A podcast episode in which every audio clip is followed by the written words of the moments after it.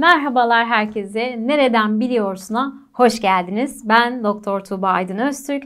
Manchester Üniversitesi Sosyoloji Bölümünde araştırmacıyım. Üsküdar Üniversitesi'nde de yine Sosyoloji Bölümünde İnsan Toplum Bilimleri Fakültesi'nde öğretim üyesiyim. Programımızda her zaman olduğu gibi yine bir araştırmadan yola çıkacağız. Neler konuşacağız bugün? Bana yıllardır böyle çokça sorulan bazı konular vardır. Şimdi ben genelde Şimdi araştırmacı olmak zaten birinizi merak duygusuyla başlıyor var olmayan bir şeyi öğrenmek istiyorsunuz. Ya da aslında eski bilgileri yeni olanlarla yani fütüristik bakış açısında geçmiş geleceğe ne taşırız diye bir merak oluyor kafanızda, kuşkular oluyor. Genelde genç arkadaşlarımdan sıklıkla şunu duyuyorum. Nasıl daha yaratıcı olabilirim? Nasıl kafamda daha üretken fikirler olabilir? Motivasyonum çok hızlı düşüyor. Bu motivasyonu nasıl çok hızlı bir şekilde toparlayıp bunu bir işe dönüştürebilirim? Yani bir çıktı çıktıya nasıl dönüştürebilirim? Bu sorularla gün içinde bile çokça karşılaştığımı fark ettim.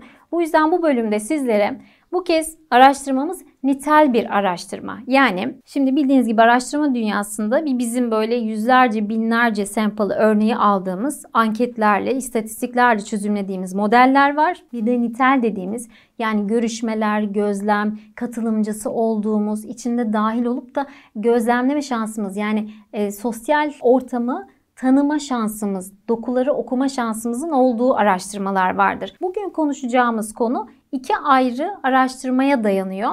İçerilerde farklı çalışmalardan da referans vereceğim sizlere. Birincisi Sanatçı Gibi Düşün kitabında Will Gombertz'in 20 seneyi aşkın bir süre boyunca BBC'de çalışmış bir eğlence endüstrisindeki işte yöneticilerden biri. Tüm kariyer yolu boyunca farklı sanatın, bilimin, e, yaratıcı mesleklerin içinde üretmeye çalışan insanlarla yakinen çalıştığı için gözlemleri oldukça değerli bizim için ve bunu bir kitapta topluyor.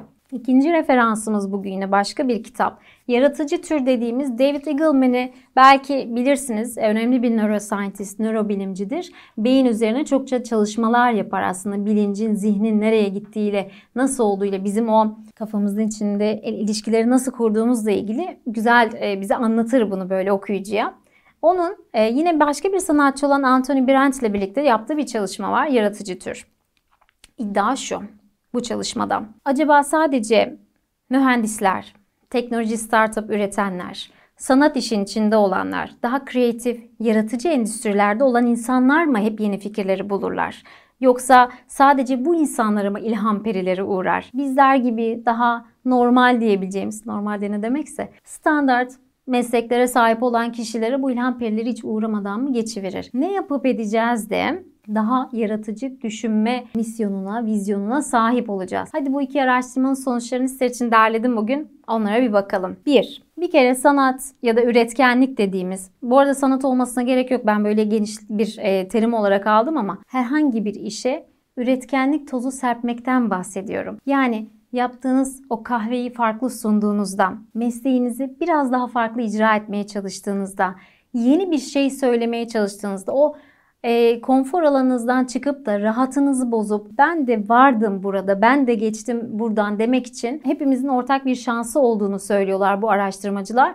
E, üretkenlik ya da yüksek motivasyon ya da aslında yaratıcı bir kişiliğe sahip olma meselesi asla ve asla herhangi bir meslek grubunun tek elinde değil sadece düşünme biçimimizi, e, zihnimizin o dalgalanmalarını ona göre hazırlamak ve her an fırsatlara açık olmak, parçaları birleştirmeye çalışmanın çok değerli olduğunu söylüyorlar. İkinciye bakalım. Bir yandan da şunu da söylemek lazım. İnsanlık var olduğu süre boyunca her zaman adaptasyon becerisi çok yüksek olmuştur. Bu zaten Sinan hocamın hep bahsettiği belki evrimsel geçmişimizden kaynaklanıyor. Bizler avcı toplayıcı toplumlardan itibaren 15'er 20'şer kişilik o küçük topluluklarda, klanlarda yaşadığımızda o birbirimize muhtaçlığımız bizim farklı e, çözümler üretmemize sebep oldu. Bu yüzden biz zaten hep üretir haldeydik. Bugün zannediyoruz ki işte içinde yaşadığımız çağ biraz daha hızlı, biraz daha tüketime yönelik, biraz daha e, motivasyonumuzu çabuk kaybettiğimiz zamanlar. E, o halde hani üretecek söyleyecek yeni bir şey kalmamış gibi gözüküyor olabilir ama sizi temin edebilirim ki bin yıllar öteye gittiğimizden itibaren tüm insanlık tarihi her zaman bir çıkış yolu bulmuş ve her zaman krizlerden kendini yeniden inşa etmeyi başarmıştır. Bu yüzden lütfen dışarıya bu gözle bakın. İkinci özelliğe gelelim. Platon, Aristoteles aslında taklit olarak her zaman ürettiğimizi söylüyor değil mi? Antik Yunan'a kadar gittiğimizde bizler hep sosyal ve fiziksel çevremizden etkileniyoruz. Esinlenme ve çağrışım yoluyla yeniden ve yeniden bir şeyleri üretiyoruz. Ama şunu unutmayalım. Çevremizde neye bakarsak onu oluşturuyoruz aslında. Bu sebeple lütfen kimlerle vakit geçirdiğimiz, ne tarz kitaplar okuduğumuz, ne tür içerikler izlediğimiz bunlara dikkat edelim. Çünkü biz insan olarak yani bir sosyal bir e, yapıda etkilenmelerimizin tümünü çevremizdeki yakın, orta düzey ya da uzak düzeydeki fiziksel ve sosyal etkileşimlerden alıyoruz. Bu sebeple nasıl bir ortamda neyi üretmeye çalıştığımıza dikkat edelim. Çünkü zaman içinde bu yakınsama ilişkisiyle birlikte aslında karşılıklı etkilenme. Yani bizim etkilediğimiz bizi etkilemeye başlıyor. Lütfen sosyal çevrenizi ve fiziksel çevrenizi buna göre oluşturun. Çevrenizde hangi insanlar olacak? Eliniz hangi kitaplara gidiyor? Hangi influencerlar size fikir veriyor? Hangi filozofların e, düşünceleriyle bugünü yorumlamaya çalışıyorsunuz? Bunun yaratıcı ya da üretici düşünce gücünde yine Gombers ve Eagleman'ın bütün çalışmaları tekrar tekrar altını çiziyor.